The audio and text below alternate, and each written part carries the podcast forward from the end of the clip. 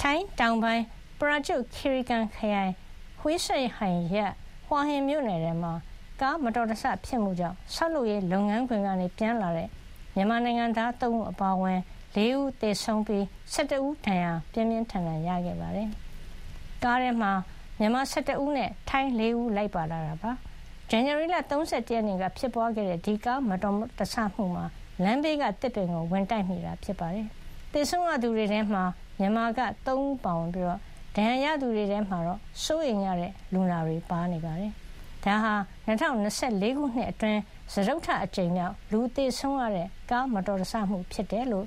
မြန်မာအလုပ်သမားရေးကူညီဆောင်ရွက်ပေးနေတဲ့ဦးမိုးချိုကပြောပါတယ်။အခုကားထဲလိုက်ပါလာသူအများစုဟာကရင်လူမျိုးတွေပါ။အခုလိုရင်မတော်တဆတိုက်မှုတွေကြောင့်ပြီးခဲ့တဲ့နှစ်ထဲမှာတော့မြန်မာ20ကျော်သေဆုံးခဲ့ရတယ်လို့ ဒဏ်ရာရသူက90ဝန်းကျင်လောက်ရှိနေပါတယ်။